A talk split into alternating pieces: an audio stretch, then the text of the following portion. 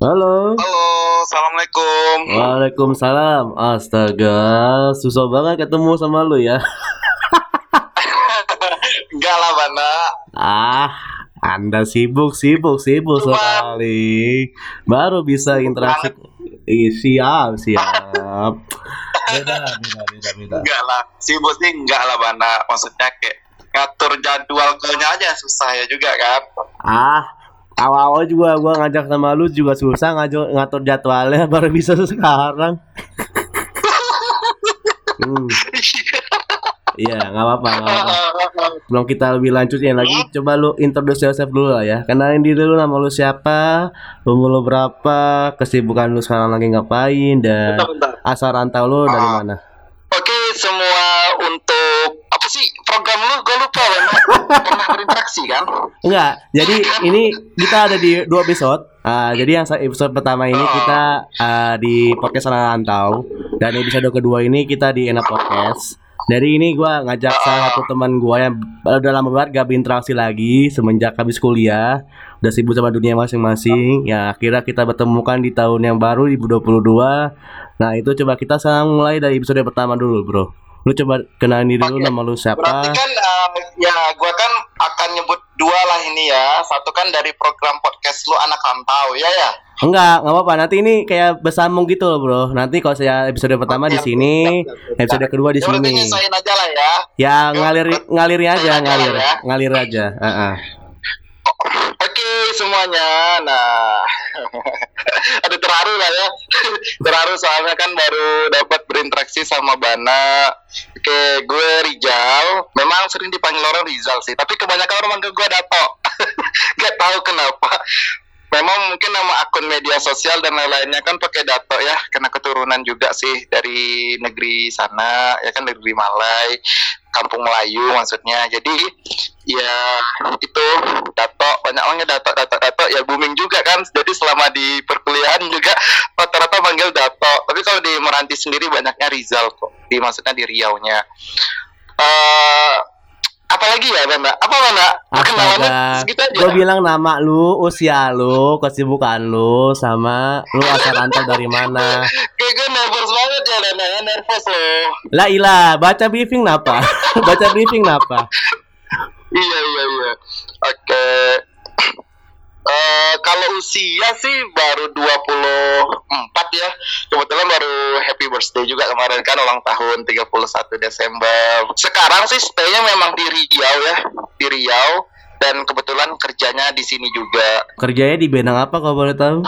Kalau kerja masih staff ya di Dinas Pariwisata Pemuda dan Olahraga Kabupaten Komaranti kerja instansi Pemda lah jatuhnya. Hmm, oke. Udah jadi staff. Oh, kirain udah kirain jadi honorer gitu. masih masih juga masih honorer cuman ya itu tadi apa kerjanya memang di instansi pemdanya kemudian beberapa side jobnya ya paling bawa acara ya MC nyiar paling nyiar ya podcast podcast terus ya sampingan itu itu aja sih private paling Hmm, oke siap. Kita berinteraksi secara langsung kan pas kuliah. Lu ke Bandung dan juga gue sempat berinteraksi juga sama teman lu seperjuangan dan akhirnya juga lu mungkin lupa Iya, sama betul. dia. Ya. Ini jangkanya sangat jauh sekali ya. Pertama kali tuh, pertama kali temen yang paling gua ketemu itu kan lu ya di Bandung ya. Ah. Iya daftar bareng ya kan. Ah, dan gue juga sempat berinteraksi juga sama teman lu yang satu lagi itu si Ayun dan juga dia sempat ngeceritain Iya, gimana benar. pengalaman dia bareng sama lu dari naik pesawat bareng dan akhirnya juga lu naik pesawat juga pakai MOU oke dan akhirnya dia juga out Iya benar-benar. dan akhirnya untungnya dia lulus loh lulus dari kuliah tapi bukan di Bandung tapi di Kediri Ah, emang nasib orang-orang beda-beda ya Iya iya betul betul Hmm. betul banget. Dan akhirnya lama berinteraksi juga ya benarnya kita nggak berinteraksi ya. Anda Sejak sibuk, kuliah kan. Anda yang sibuk, Anda yang sibuk. Enggak, enggak, enggak, enggak gua, enggak gua karena lu yang susah ngatur jadwal. Kan kerja terus lu nya kerja, guanya lagi free. Gua yang Iya. kerja, lu pula yang free. Ya enggak pernah ketemu jadinya. Iya, iya, iya. Ya kayak gitulah. Iya, iya, oke. Dan gue pengen tanya dong, lu pas ketemu sama teman-temannya pas di kuliah, ekspektasi orang-orang yang pernah berinteraksi lu pas lu kuliah tentang kampung lu dan realitanya yang lu alami selama lu jadi anak daerah itu gimana sih bro? Boleh ceritain nggak? jelas lah ya mana gua kan anak pulau ya terpencil lagi kan jauh maksudnya kan. Eh, pertama sih waktu berinteraksi sama anak-anak kuliahan jelas lah ya kita ketemu dengan orang-orang baru dengan atmosfer baru terus budaya-budaya baru ya kan gitu ya. Gua tuh pertama pernah ngerasa insecure gitu kayak minder lah. Aduh kan secara kan intonasi bahasa gue kan masih Malay terus ngerti nggak sih orang-orang nih gitu dengan cara gue ngomong. Nah ya kan kayak gitu kesannya. Eh, untung kemarin tuh kan ada teman yang gue pergi saing ya yang bareng kemarin si Ayun ya kan? Jadi selama ngomong di situ tuh perhatiin terus anjir gitu kan. Yun ini gila Yun. Ya ya selama ini kan ngomongnya ya udah Melayu Melayu biasa-biasa aja kan ya bahasa-bahasa daerah gitu. Cuma di sana kan udah ketemu nih dengan berbagai macam orang berbagai macam teman bahasanya udah mulai beda-beda dan sistem pergaulan dan gayanya pun juga udah beda kan lifestyle-nya. Jadi ya Yun bisa nggak nih ya Yun ya jadi ya udah perasa perasaan pertama tuh kayak insecure gitu sih mana kayak minder gitu. Tapi ya kita di sana sama-sama ya kan? Cari ilmu terus dengan niat tujuan yang sama pengen kuliah di kampus kementerian ya udah. Jadi pede aja percaya diri. Hmm. Heeh. Maksudnya dalam artian kayak misalnya lu lu udah masuk kuliah nih, lu menjelaskan diri lu Uh-uh. berasal dari kabupaten Kepulauan Meranti. Nah, itu orang-orang ekspektasinya mengenai daerah lu itu apa dan realita yang lu jalani. kenal banyak tahu banyak nggak tahu mana asli. Hmm. saya kan meranti ini kan di dalam peta nggak terlihat. Jadi pas perkenalan pertama ya waktu perkenalan di kelas ya kan pas awal masuk nih. Jadi disuruh tunjukin tuh di mana sih asal daerah kan dikasih peta tuh di depan kelas gitu ya. Hmm. jadi meranti tuh nggak ada nggak ada di dalam peta. Jadi aku harus jelasin kayak jelasin gitu kayak meranti itu di Riau udah provinsi Riau. Tapi kita bagian yang kayak eh, selatnya lah. Maksudnya daerah pinggir pinggir pinggir laut lautnya gitu kan. Riau ini kan nggak ada laut ya daratan. Jadi kita itu masuknya ke yang bagian lautnya lah. Tapi bukan Kepri ya. Jadi orang tuh udah bingung. Ya elah jadi kalau misalnya mau ke Meranti itu harus ke mana dulu? Gitu kan pikirin entah ke Batam dulu entah ke mana jelasin itu tuh mana ya agak lumayan tantangan lah. Tapi eksplorasi journey ya. Mereka tahu juga eh, akhirnya ya dijelasin aja gitu Hmm. pada nggak pokoknya intinya pada nggak pada nggak kenal mama di mana meranti itu Iya. Yang orang tahu meranti itu pikirnya bolu loh itu bolu meranti Ya, mungkin ada beberapa orang juga yang berpikir juga yang sama sih. Malah kayak ada suatu produk kayak bener tadi lu bilang sih bolu meranti. ya mak. iya bolu meranti mikirnya Oh, tapi lu nggak masa tersinggung kan? Enggak lah ngapain gue tersinggung? Ya namanya orang belum kenal juga maksudnya orang baru sama-sama ingin tahu. Ya lagi pun memang ekspektasi mereka mungkin kalau dengar meranti ya itu jadi ya udah gitu. Cuman ya kita kan selaku orang yang tahu di mana keberadaan kita ya udah jelasin aja Hmm, oke. Dan gue juga mas, gue juga masih ingat sih lu pas skripsi kemarin kan mengenai juga tentang meranti kan. Tapi lu lucunya malah Iya, bahas tentang ma- makanannya kan. topiknya di daerah gua tentang wisata kuliner Oh, itu. daya tarik wisata kuliner Heeh. Nah itu salah salah satu ide yang bagus juga sih setidaknya walaupun hitungannya nggak lu jelasin secara detail gimana meranti Iya, tapi iya. makanannya udah cukup bisa Oh. bikin lu lulus lah gitu ya. Iya Bana, karena gini loh Bana, jadi kan banyak ya orang kebanyakan ngambil skripsi itu kan pengen yang lebih jalur mudah, maksudnya kan nggak mau ribet nih, ya kan? Kebanyakan orang ngambil ya udah di daerah mereka mana kuliah gitu kan. Nah cuman gua mikir gini lah, gua kan anak daerah nih datang jauh-jauh dari Meranti, ngapain gua ngambil daerah orang gitu, daerah orang yang udah maju, misalnya turismenya udah dikenali se Indonesia mungkin terpublish, ya gua harus ngembangin potensi daerah gua dong gitu, kayak wisata kuliner. Apalagi daerah gua kan potensi sagunya gila Bana luar biasa sekali loh Bana dan menjadi ikon sagu ini yang percontohan percontohan untuk kayak kreativitas inovasi bahan dasar sagu. Jadi gua gua ambil judul ini karena itu Bana sam- sambil untuk mempromosikan daerah gua. Kalau memang lu pengen coba sagu dengan varian rasa dan varian inovasi senternya tuh di Meranti loh. Nah gitu Bana makanya gue ngambil judulnya itu. Karena sampai di data sekarang ini pun Bana gila Bana udah terdaftar loh hampir 365 olahan sagu dan itu membuat gue menjadi wah ini nih salah satu potensi yang bisa gue jadiin pengembangan dan tarik wisata kuliner gitu Hmm. Nah, cuma cuman masih inilah tadi Bana ya, masih dalam proses pengembangan pariwisata lah daerah gua.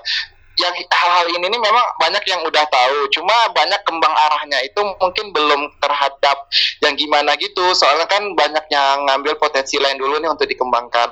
Tapi it's okay sih berjalannya waktu dan gua pun kan udah di sini nih sedikit demi sedikit ya step by step bakal diproses juga lah insya Allah semoga aja. Hmm, amin amin amin.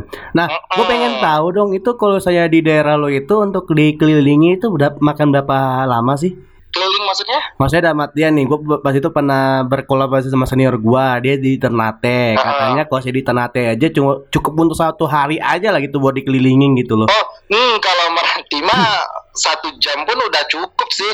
kalau untuk di satu pulaunya aja ya. Soalnya kita di sini aksesnya tidak terlalu banyak sih, Bana. Kayak akses dalam pulaunya ya. Soalnya kita di sini kan jalannya masih nggak ada seperti jalan yang kayak di kota-kota besar tuh. Ah, misalnya dua arah lah atau apa. Kita di sini cuma one way satu arah. Jadi kayak mau ke mana-mana itu nggak terlalu sejauh gimana gitu sih, Bana. Kemudian kalau kecuali nih, nah kan gua kan ada empat pulau ya, pulau besar ya di Meranti ini. Eh, Borbo, Rangsang, Tebing Tinggi. Maaf tiga, tiga bana. Jadi kalau mau ke pulau-pulau itu aja sih yang buat transportasinya tuh kalau mau keliling satu hari full itu nggak akan cukup waktu. Paling enggak lu kalau di sini kalau mau keliling tiga pulau besar itu setelah waktu dua harian lebih lah, ya dua harian lah kayaknya. Soalnya ya nggak tercover transportasinya itu pun nggak selalu beroperasi 24 jam bana. Bisa kalau nyebrang ke pulau seberang itu cuma sebatasnya sampai jam 11 malam, malah ada yang cuma sampai 9 malam. Jadi termakan sama waktu transportasinya aja sih. Hmm, berarti rata-rata kalau saya di sana itu transportasi bukan transportasi darat ya, lebih mengarah ke laut ya. Enggak, transportasi darat sih ya ya umum sih ya mana kayak ada becak sepeda motor mot ya kan sepeda kayak gitulah mobil juga ada sih. Cuma kalau untuk yang pabrik besarnya nggak ada kayak pabrik umum transportasi angkot eh, bus gitu nggak ada. Terus kalau mau lintas-lintas pulau tuh kita ada nah kita tuh ada laut tradisional di sini bana namanya kempang. Kalau kempang itu hampir sama kayak teteknya Palembang tahu kan teteknya Palembang Mm-mm, terus? Cuma kalau teteknya Palembang itu kan dia eh, nggak ada muatan pakai bisa dimasukin kendaraan kan kayak mobil ataupun eh, motor ya kan Mm. sepeda motor. Kalau di Meranti ini nah mot Kempang itu bisa dimasukin transportasi lain lagi sepeda motor, becak mungkin bisa, mobil mungkin semua bisa. Nah gitu. Nyebrangnya udah untuk lintas pulau nggak ada touring dia gitu. Hmm, oke oke oke. Ah, dia dari kayu sih banyak dari kayu ya. Uh, Hmm. kapalnya tuh dari kayu, tapi ya exercise banget lah. Kalau Bana atau siapa pun teman Bana yang berkunjung ke Meranti, bakal gua ajakin kok naik kempang. Oke, siap. Seru sih. Uh-huh. Siap. Paling nanti kelar corona kali ya. Tapi nggak tahu ada corona Nah, kapan iya, kelarnya. tapi kan corona berlanjut lagi nih Bana. Ini corona jilid kedua emang. Ah. Bentar lagi case gitu tuh. Ini sekarang bab kedua nih corona. Ah. Corona bab kedua. Oke, ah, berarti selam, berarti lu ini gawe di tempat sekarang ini yang di ke- kebudayaan dan pariwisata Iya. di Kepulauan Meranti itu udah berapa lama? Oke, jadi gue ceritain ya, pas lulus kuliah kemarin kan gue kan masih ada event tuh, belum bisa pulang meranti dulu, melanjutin event yang terakhir tuh waktu di Bandung di Husen Sastra Negara. Jadi pas beres kuliah itu, nah gue belum ke meranti dulu Bana, soalnya gue kan ada di kontrak untuk menjadi manajer operasional, ngebantu. Ada jadi ada pembukaan restoran baru ya kan?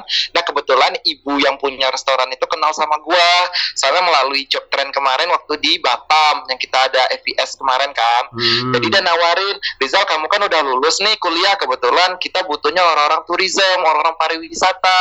Ya kebetulan saat itu kan gue memang udah di ini juga sama Pemda Meranti maksudnya dari dinas pariwisatanya kepala dinas gua kayak uh, ngajak gitu nawarin untuk bekerja di sini dulu di Pemda. Cuma karena gua belum habis kontrak yang di Batam jadi gua kan uh, kerja dulu nih di Batam sebagai manajer operasional gitu. Selama kurang lebih hampir empat bulan lah Bana soalnya kan memang butuh orang pariwisata kali kan untuk memberikan pelatihan ya kan? Terus kayak service groomingnya harus gimana nah itu yang ibu tuh kemarin uh, suruh gua ngebantu barat membimbing adik-adik lah di dalam tuh. Nah merekrutmen karyawan semuanya Bana bayangkan itu memang restoran baru banget Bana baru opening baru buka jadi memang hmm. semuanya harus dibikin SOP dibikin semuanya itu it's amazing experience yang gua bakal nggak akan pernah lupa dan gua bakal terima kasih besar ya untuk jasa ibunya dan tim-tim owner yang lain, komisarisnya juga. Soalnya memang ini pertama kali loh Bana aku di usia masih 20 22 tahun ya, udah megang satu satu lah satu restoran yang besar dengan kapasitas yang aku sendiri aja butuh banyak belajar dari orang yang lebih senior. Sampai aku berterima kasih nih Bana sama Pak Sumantri Endang. Dia itu manajer uh, hotel uh, Pacific di Batam. Dia itu kan uh, kerja sama partnernya juga dengan dinas pariwisata. Jadi sering tuh ngasih ide-ide Rizal kamu tuh kalau mau ini tuh kayak gini gini jadi terima kasih banget. Nah jadi pas itu tuh kan uh, akhir tahun tuh udah mau masuk ini kan kalau nggak salah covid ini kan terjadi di bulan Maret ya, ya kan? Ya kalau di Indonesia sih ya bulan ah, Maret. Iya kalau nggak salah di bulan Maret. Kebetulan Bana pas gua udah berapa bulan di sana itu COVID pun langsung langsung ini kan langsung menjelma lah ke permukaan bumi dan hmm. semesta alamnya. jadi jadi mana gue ya itu tadi penjualannya udah mulai berkurang karena Singapura sama Malaysia tuh tutup nggak nerima orang wisatawan sama mereka nggak masuk. Batam kan secara ya otoritas untuk uh, ekonomi ekonomi daerah kan banyak dibantu sama ya itu kan kunjungan wisatawan. Ya, betul. Kalau enggak kan yang ngebeli produk lokalnya kan tentu hmm. orang-orang luar kan, orang-orang yang yang dari datang dari luar daerah gitu. Nah, hmm. jadi beberapa bulan itu agak banyak penjualan sama ya lah omset gini gini gini. Jadi ya udah dialih fungsikan ke komisaris berikutnya. Dan gua pun kan gak enak ya maksudnya jatuhnya ya udah gitu. Tapi sampai sekarang pun masih tetap uh, beberapa ada inilah mana sama ibunya. Kayak Rizal ini gini gini gini. Rizal kalau bantu konsepnya gini gini. Masih juga sih di situ cuma nggak terlalu seaktif dulu lagi yang selalu harus kontrol semua all. Nah di situlah mana kebetulan SK gua di Pemda itu udah diterbitkan. Nah, jadi ini kan kalau di honorer meranti eh honorer Pemda ini kan dia ada namanya sistem SK ya Bana ya. Hmm, betul. Nah, SK gua pun udah muncul, langsung dah gua balik dari situ izin dengan cara baik-baik semuanya. Dah, alhamdulillah sih masih tetap berinteraksi ya sama semua orang juga. Jadi di situlah gue pulang ke Pemda. Alhamdulillah kerja di Pemda selama satu tahun delapan bulan bana gue hmm. udah masuk satu tahun delapan bulan nah, baru baru sih gue bana uh, ketimbang yang lain gitu. Nah di sama satu tahun delapan bulan inilah bana kerja di sini di Pemda. Jadi gue ngerasa beda sekali bana sumpah experience hmm. pengalaman swasta sama negeri itu jauh kali berbeda bana Oh, Oke, okay. malah itu nanti kita lebih rinciin di part kedua nih. Kayak kayak seru juga nih untuk dibahas. iya, okay, ya, okay. kita uh, ya itu tadi mana pengalaman itu kan membuat kita jauh lebih ngerti dengan keadaan, ya kan? Hmm, betul. Uh, aku bukan orang yang banyak kali pengalaman, belum, maksudnya bukan tipe orang yang sudah merasain semuanya enggak. Tapi kalau untuk di turismenya itu alhamdulillah karena misalnya dari instansi udah ngerasa nih kerja bagaimana sih kalau tipenya dinas gitu udah ngerasa. Hotel gimana udah ngerasa. Travel gimana udah ngerasa terus restoran gimana jadi ya enak aja sih kalau kalau misalnya ada something yang bertanya kita nggak jadi orang bego gitu kita hmm. udah ada hmm. ilmunya di situ masing-masing iya betul, gitu betul. Dan uh, ini sebenarnya sih punya uh, pertanyaan untuk template setiap orang, apalagi untuk dulu yang bergerak di dunia pariwisata.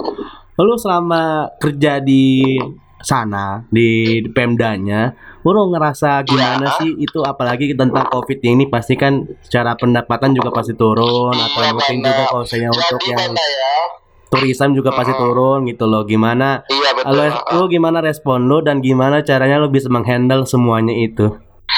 Oke, Bana ya. Jadi memang benar Bana. COVID ini bukan hanya dirasakan tuh hanya orang swasta aja, tapi orang negeri juga benar. Karena di dalam negeri itu pun kan jelaslah kegiatan mulai berkurang, karena kan nggak boleh ada kerumunan, ya kan? Hmm. Harus tetap menjaga protokol kesehatan sesuai dengan aturan Pemda ataupun sesuai dengan aturan yang dah diperintahkan Presiden ke instruksi. Jadi harus mengikuti. Jadi memang rata-rata di, di kita yang di negeri gini juga ya. Sama sih Bana ngerasainnya kayak ya dampak biasanya yang ya pariwisata selalu ada kan kegiatan event lah festival. Nah tapi kali ini udah mulai berkurang karena ya pandemi. Kalau dikatakan mengendal sih kayak aduh susah juga ya. Cuman paling meminimalisir lah ya biar jangan terlalu down kali dengan kondisi covid saat ini gitu kan. Paling gini bana uh, eh, gue ngambil banyaknya sih bisnis ya kayak ya udah sambil kerja ada bisnis terus ya kejar-kejar proyek lah misalnya kayak ini nih uh, kalau mau pesen baju kayak gitu-gitu gitulah bana terus kayak ya kalau dipakai misalnya butuh untuk MC bawa acara terus berapa kali nyiar kayak gitu lah bana jadi kita tuh nggak mati di sini aja gitu. Jadi banyak yang bisa kita lakuin kalau kita memang udah siap nih dengan ilmunya dengan skillnya. Jadi kita pede aja sih jadi maupun covid ataupun enggak kalau kita memang udah ada nilai jualnya ibarat nilai jual lah ya di situ it's okay sih Bana aman-aman aja nggak ada ngerasa kayak harus terdampak banget gitu. Hmm, oke okay, oke. Okay. Nah, oke, okay, ini kita kembali ke topik bahwa uh, lu kan di Kabupaten Kepulauan Meranti yang tadi lu sebutin bahwa lu ada tiga pulau besar yang itu pun untuk diakses pun ya lumayan susah lah ya kalau saya di, gua bisa rangkum lah ya dengan tadi yang lu omongin kan. Nah ada nggak sih destinasi wisata baik yang alam buatan atau mungkin uh, yang lain-lain gitu yang lu kunjungi itu susah banget ya kalau buat diakses gitu? Ada sih banyak apa itu? Ada ada banyak ya di Meranti ini sebenarnya full sih komplit ya untuk berbagai jenis pariwisata atau data wisatanya. Kita di sini juga ada alam, kuliner, buatan, terus wisata religi, wisata sejarah semuanya komplit sih kalau gua anggap ada naik uh, city life-nya juga. Cuman kalau untuk bagusnya sih nggak sebagus destinasi lain. Cuma kan yang di, dicari utama dalam pariwisata kan keunikannya kan, diferensiasinya itu buat daya tarik kita tuh bisa ber, ber, ya bersaing dengan tempat yang lain.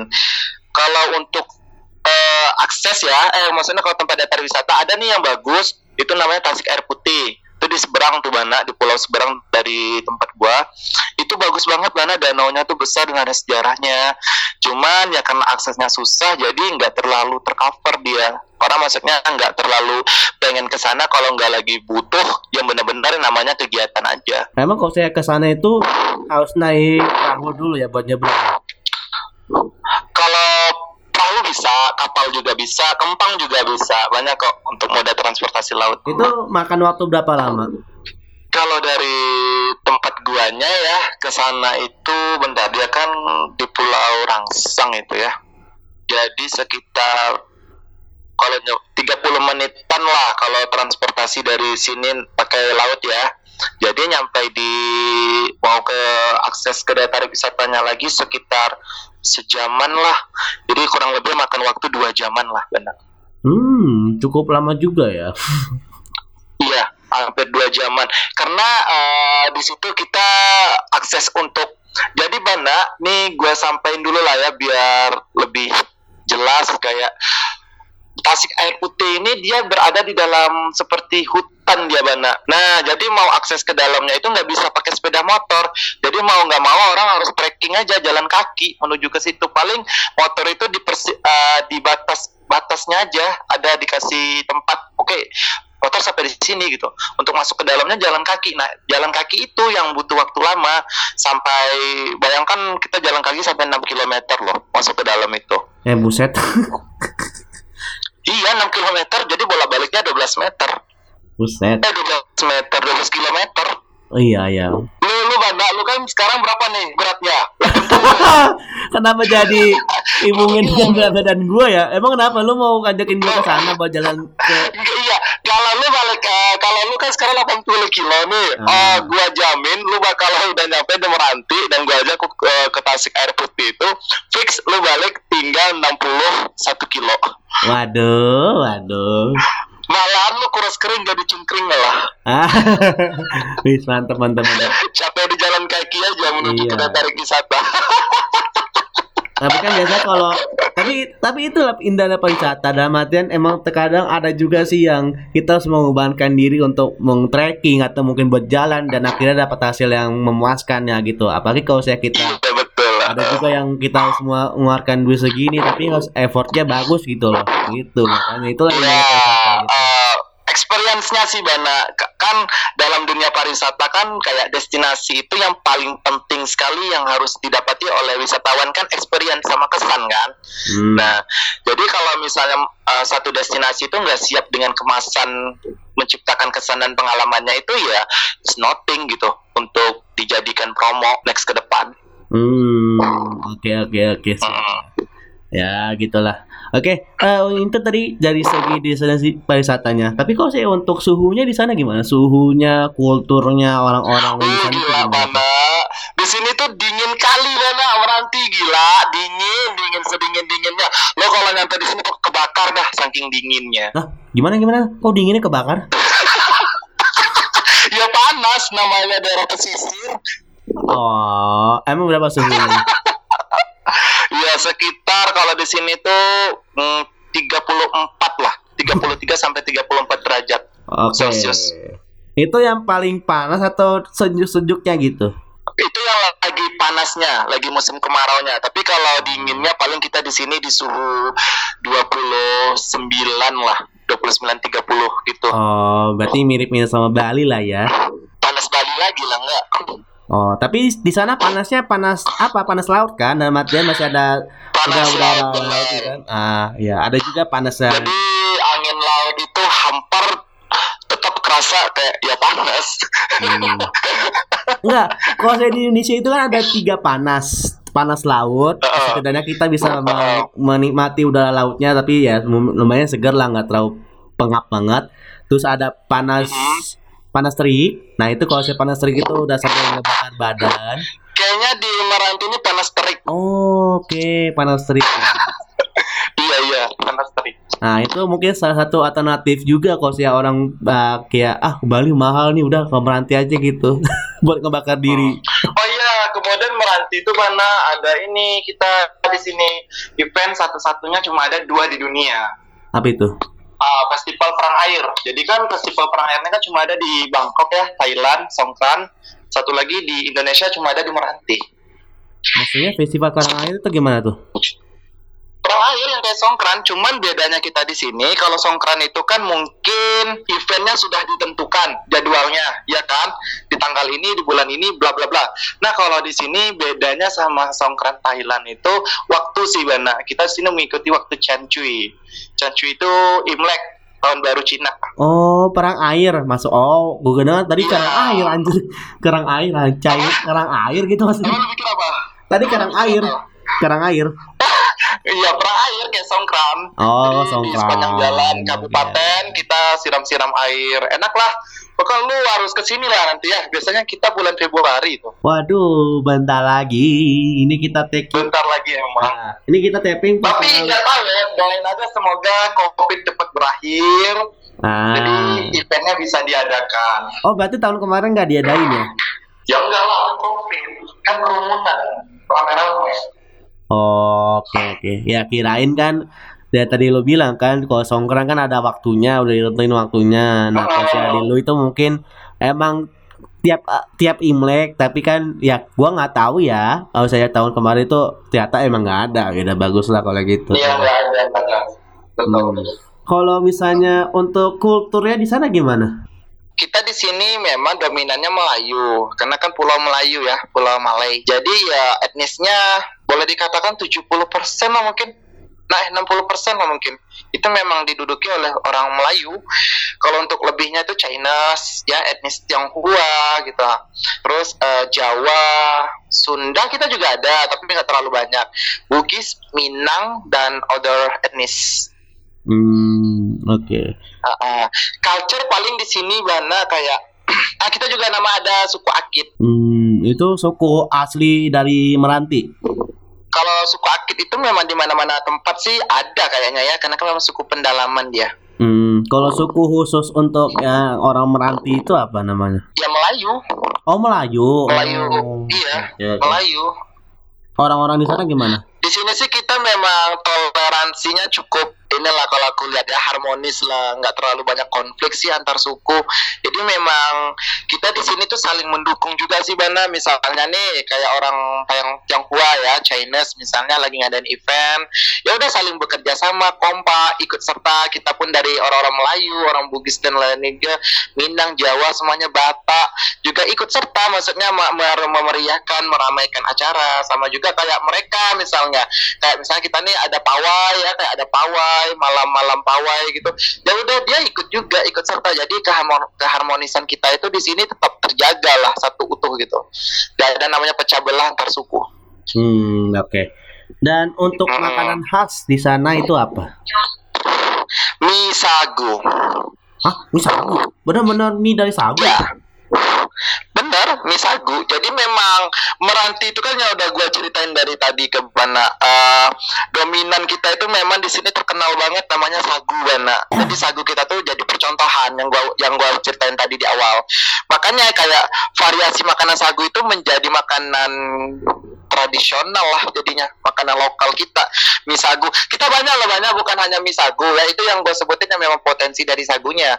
Kita di sini ada miso terus kita ada sempolet ada sempolet itu dari sagu juga terus lumayan lah bana kuliner kita di sini Nah, terus ada kopi Liberika Meranti. Nah, gue lupa. Kopi Li- Liberika Meranti itu memang asli dari Meranti. Hmm, itu kopi apa tuh? Arabica, robusta atau apa? Kopi Liberika? Oh, Arabica. Oke, oke. Ah, ah, enggak, Liberika, Liberika. Apaan tuh? Emang apa bedanya sama yang lain kayak am- Nah, beda banget. Jadi, kalau kopi-kopi lain yang ada, ya mungkin kan hidupnya kan di tanah-tanah yang ya udahlah tanah pada umumnya sih. Nah, cuman kalau di Meranti ini kopi itu bis, hidupnya di tanah gambut. Oh. Jadi citra rasa keasaman tanahnya itu lebih ngejos gitu. Ah, lebih kerasa lah pati asam tanahnya sama keenakan kegurihan rasa kopinya itu wow gila it's amazing lu Hmm. harus coba Oke, oke. Dan uh, Uh-uh. selain kopi ad- ad- ada lagi nggak minuman yang khas di sana? cendol kita ada cendol sagu ah satu lagi eh apa nama minumannya ya ya cendol sagu sih kayaknya Cendol sagu. Kalau es kalau es Lexmana mengamuk itu umum, maksudnya Riau semuanya ada kayaknya. Bentar, bentar, bentar. Kalau cendol sagu memang dari kita cendol sagu. Nggak, Nanti cendol Nggak, sagu ap- nggak, apa bedanya gitu loh cendol yang lain sama cendol yang dari sagu? Emang itu nggak pakai daun-daun apa gimana? Kalau cendol sagu di Meranti ini lebih simpel sih mana. Jadi kayak nggak kalau cendol lain kan ya ada yang pakai ketan, kacang hijau, ya kan, pakai Hmm. tape, pakai tahu, bla bla bla gitu ya kan. Kalau Meranti ini udah simpel aja kayak gula aren, kasih santan, terus ya udah kasih cendol sagunya. Udah di, dihidangkan gitu. Jadi kemu- ah, kemudian aku ini ya kalau nggak salah cendol sagu itu mau dimasukin sebagai ini welcome drink, welcome drinknya untuk di hotel-hotel yang ada di Meranti ini. Anjay. Mm-mm, jadi kamu datang langsung disuguhin dengan cendol sagu khas Meranti. Iya, keren keren keren. Biasanya kalau kita nginep di hotel, welcome drinknya ya palingan jeruk atau apa gitu. Oke. Ya, Biasanya. kalau kan kalau di Pulau Jawa kalau nggak salah gua kan di apa Sekoteng ya? Ya kan? Ya ada Ya sekoteng kan air juga. jahe kayak Ya, gitu ya. kan? Ah, kayak air jahe. Nah, kalau Meranti nanti juga ada kemung ah, insya Allah semoga ah, di ACC yaitu itu cendol sagu. Oh, ini berarti dalam dalam apa dalam proposal buat mengajukan ke hotel-hotel Lagi ada dalam nanti ya ya? lagi dalam kerjasama antara Pemda Pariwisata dengan PHRI Meranti. Oh, tapi yang untuk yang Kabupaten Meranti doang kan? Iya, Kabupaten Meranti doang. Kirain ada matian seriau juga gitu enggak ya? Enggak lah. Mereka juga mempunyai minuman sama makanan tradisional masing-masing mana di daerah. Iya juga sih betul. Ah, Iya, eh nanti lu kalau ke Meranti juga eh, banyak sih bana hidangan lokal yang bisa lu makan ya, lu cicipin kayak pindang, asam pedas. Nah, asam pedas. Terus kayak ada namanya buah darah. Nah, kita di sini ada namanya buah darah. Nah, Itu saudara itu gimana? terus tuh? banyak sih bana buah darah itu yang kayak makanan lumpur gitu sih. Hah? Kayak kayak sejenis seafood, ya kayak seafood cuman ya jarang nggak ada ditemu tempat lain tuh. Terus kita di sini ada makohe, rama-rama. Banyak sih Bana. Nanti kalau lu datang ke sini gua suguhin lah. Ah, bus, Tapi di sini sih eh, simple ya Bana ya. Oh, ini termasuk apa? Nggak siap siap siap kali. Wah lumayan lah ada tour guide gua ntar. Iya, makanya kalau teman-teman nih, gue mau promo juga ya untuk seluruh teman-teman gue yang ada di Sabang atau sampai Merauke yang pernah berinteraksi di perkuliahan. Jadi jangan lupa kalau datang Meranti, jangan lupa singgah ke sini dan hubungin gue lah kalau gue masih ada di Meranti ya, masih di Meranti maksudnya. Jadi ya nanti kita explore bareng, rasakan sensasi perbedaan, diferensiasi dari tourism Meranti for you all. Weh siap. Itu udah kayak tagline ya. Tagline pariwisata lu ya di sana ya. Kalau tagline kita di sini nggak tagline eh, tagline kita meranti, yuk ke meranti. Oh kita aja yuk ke Meranti simple juga ya. Oke. Ngapain Ya, yuk ke meranti.